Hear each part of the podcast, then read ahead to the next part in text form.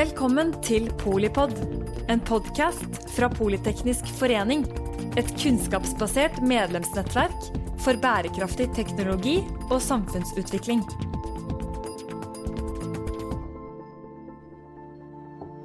Velkommen til eh, denne episoden av eh, Polipod. Eh, I år er det jo 100 år siden Fridtjof Nansen mottok Nobels fredspris for sitt humanitære og fredsskapende arbeid som generalsekretær i Folkeforbundet. Og tidligere i år så har jeg i samtale med Ingrid Wiik, spesialrådgiver i Utsyn, snakket mye om akkurat dette. Spesielt hva Nansen-skolen er og gjør, og hvilken betydning de har hatt for fredsarbeid og forebygging i Europa.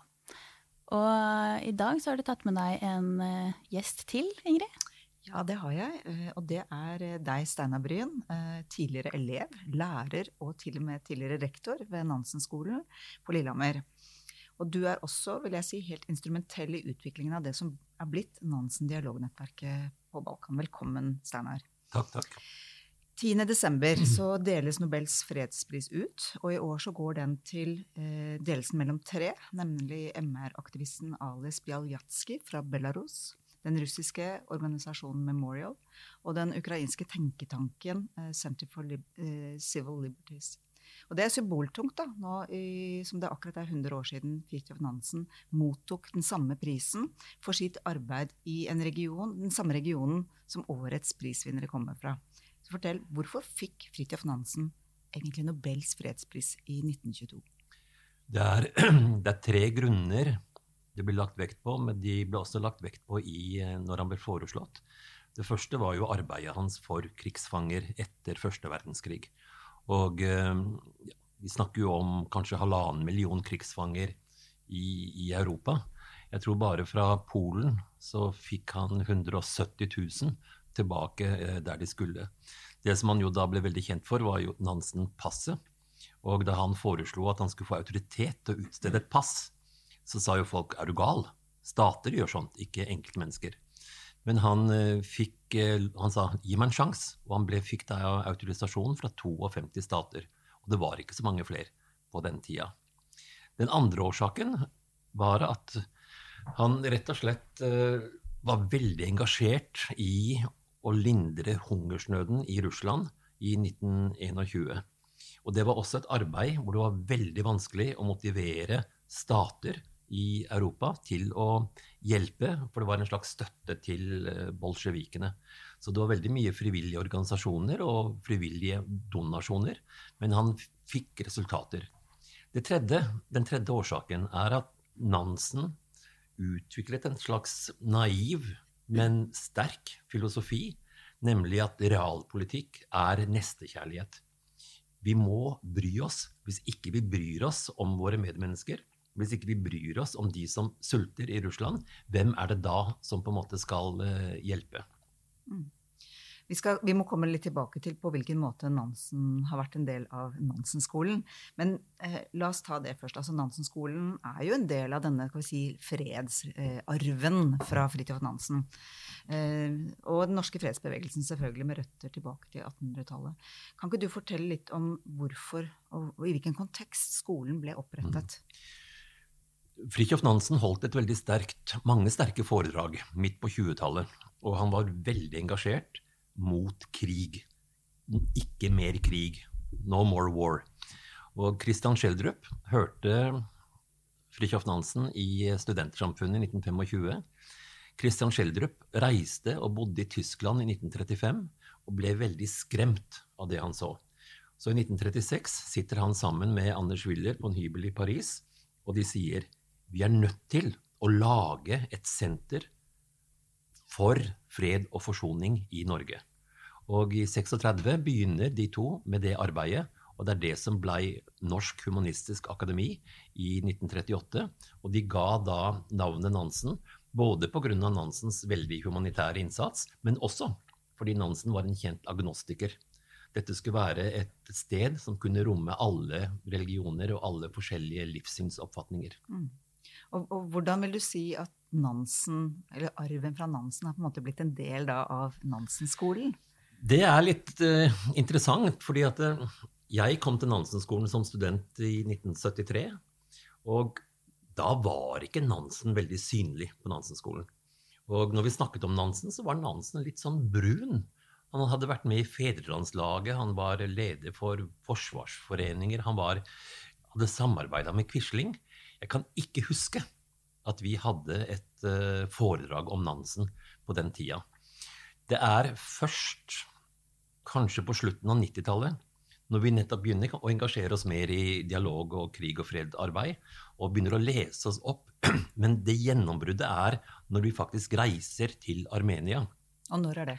Det er vel ikke før utpå altså rundt 2010.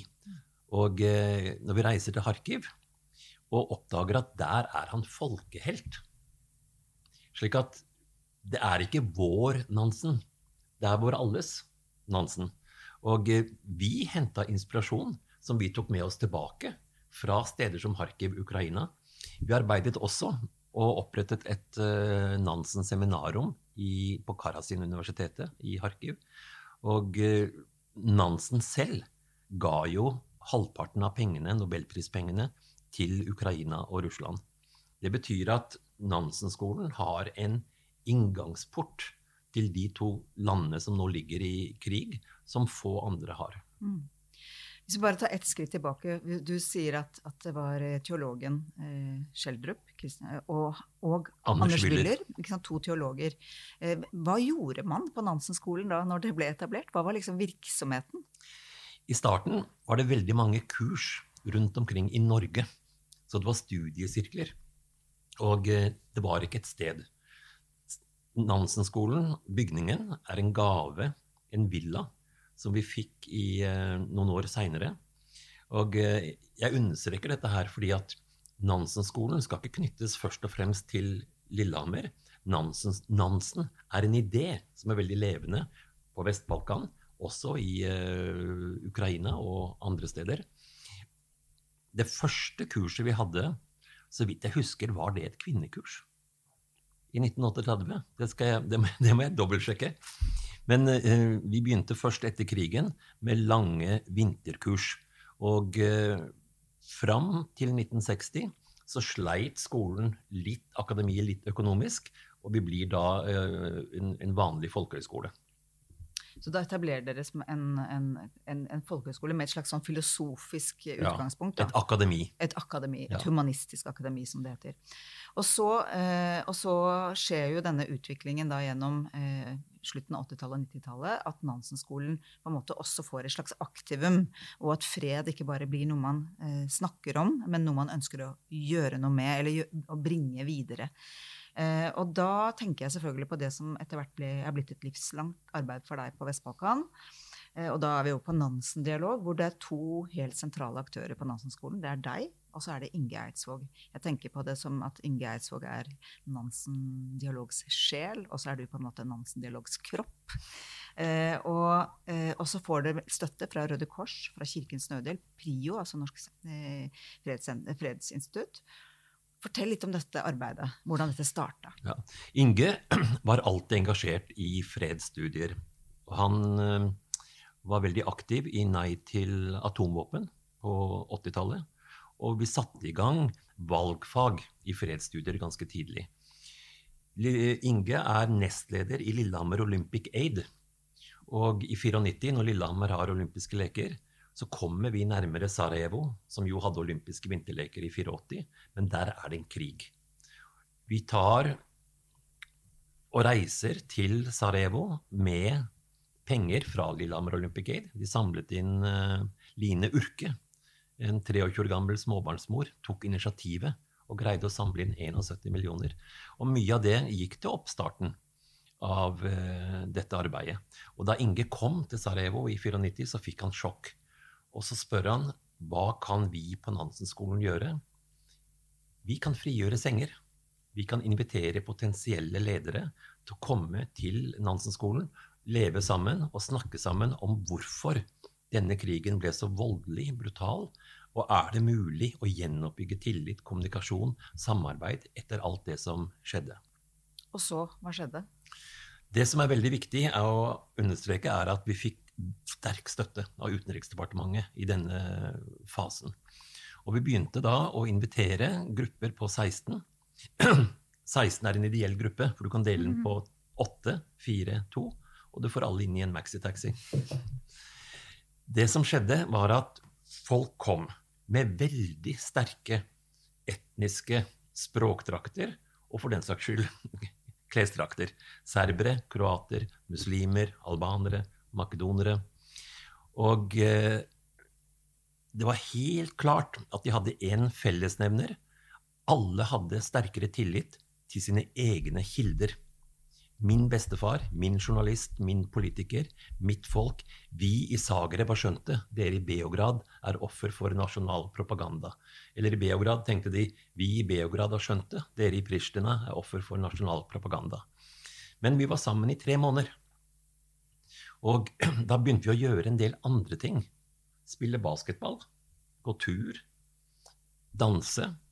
Og når folk begynte å oppdage andre dimensjoner av fienden. Du er jo ikke bare serber. Du er en god basketballspiller. Du er ikke bare albaner. Du er jo en god sanger. Så fikk man respekt og kunne begynne å snakke om litt utover den første konfrontasjonen, som jo var egentlig bare å dele posisjonene. Og det var den serbiske posisjonen, den albanske posisjonen, den kroatiske posisjonen. Men når nyansene kom inn i bildet, så var det mye lettere for de å også oppdage at de hadde jo en del fellestrekk som ofre i konflikten. Og de hadde også en del felles interesser når det gjaldt hvordan skape en, en annen framtid. Mm. Og så reiser jo disse menneskene hjem. Eh, og hva skjer da? I starten så hadde ikke vi noe visjon. Altså vi gjorde dette her, tenkte nå er det ett år, to år. Men så kommer folk hjem, og så oppdager de at det er veldig vanskelig å formidle til kollegaer, til venner, familie, hva de har opplevd. Det er snarere slik at de prøver å fortelle fienden er ikke så ille som vi tror. For nå har vi levd sammen med dem i tre måneder. Vi har oppdaget deres menneskelighet. Og så sier de dette her greier ikke vi å formidle. Vi er nødt til å ha noen av disse seminarene her sammen med våre egne.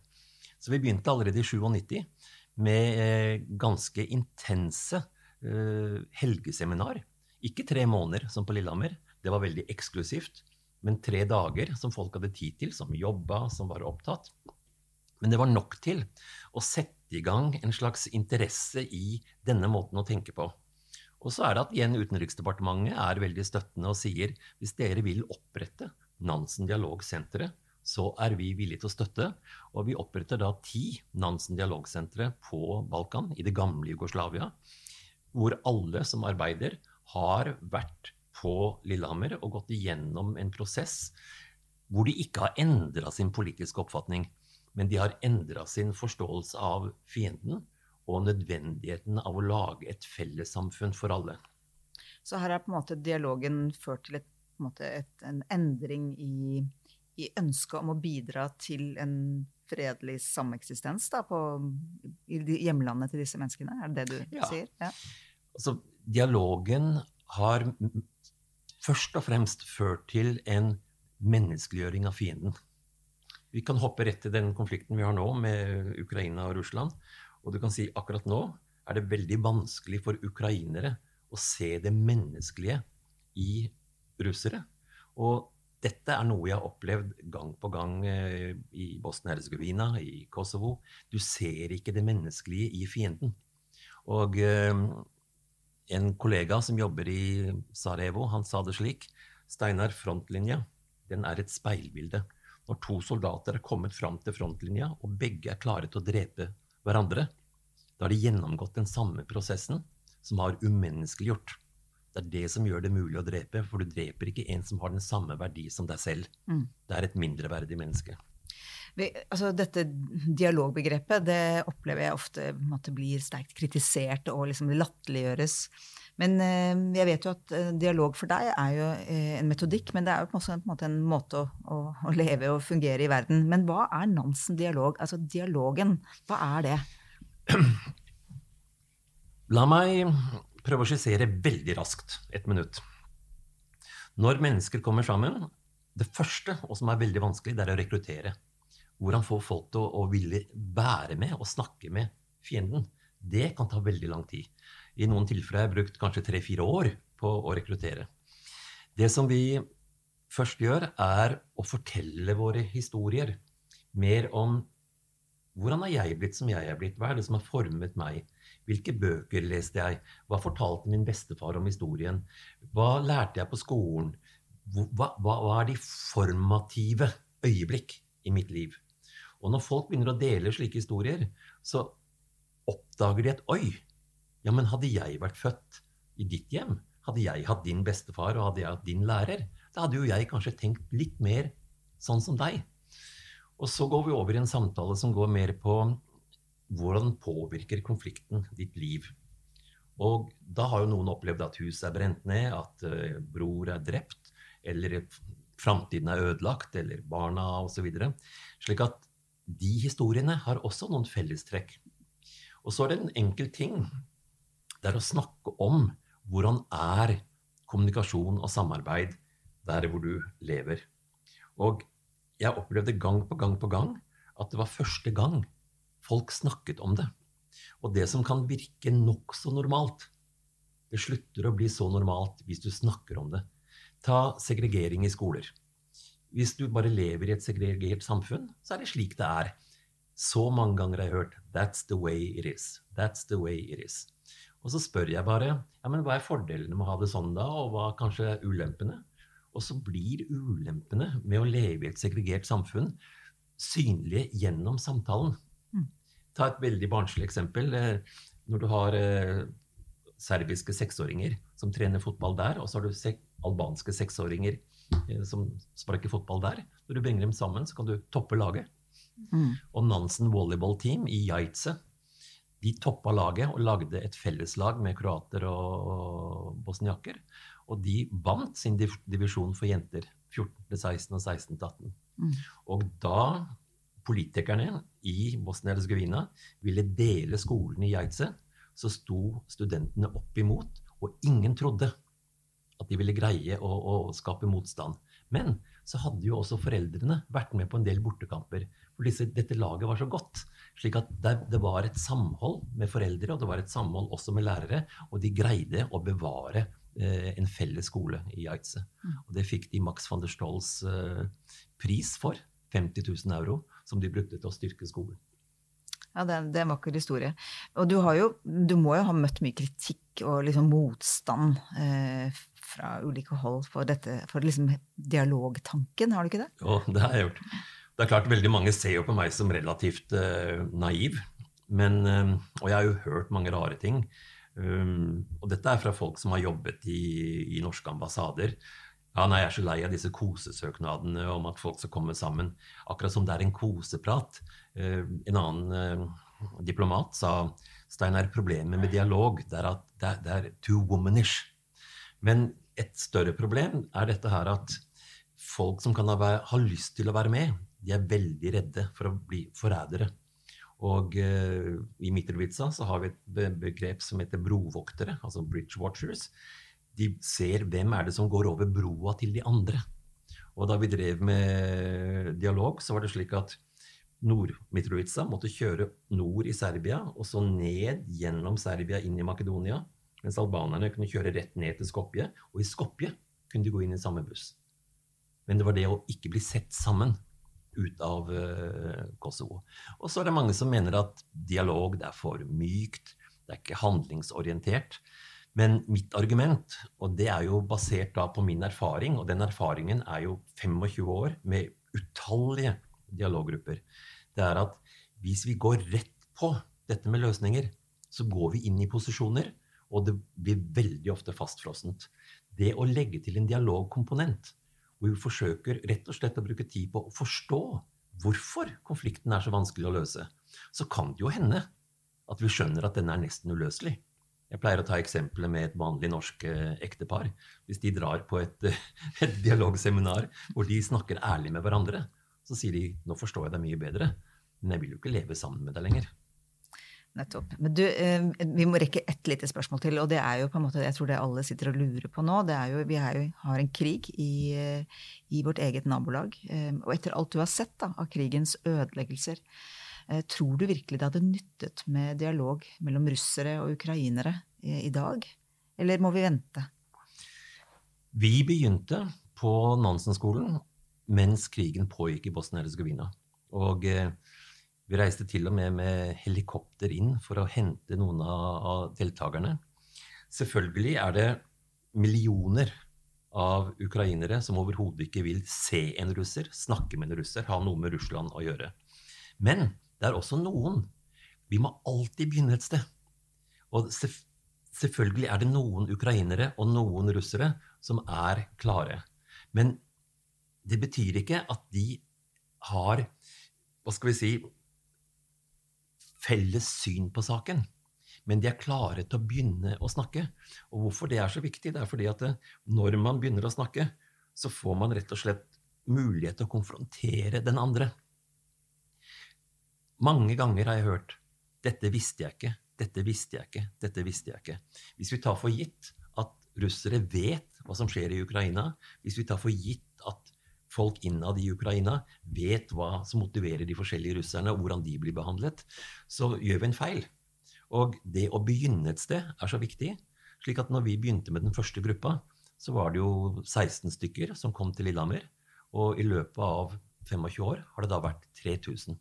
Og da kan vi begynne å snakke om en Nansen-familie hvor jeg kan nevne 15 ordførere i Bosnia-Hercegovina, i Kosovo, i Serbia.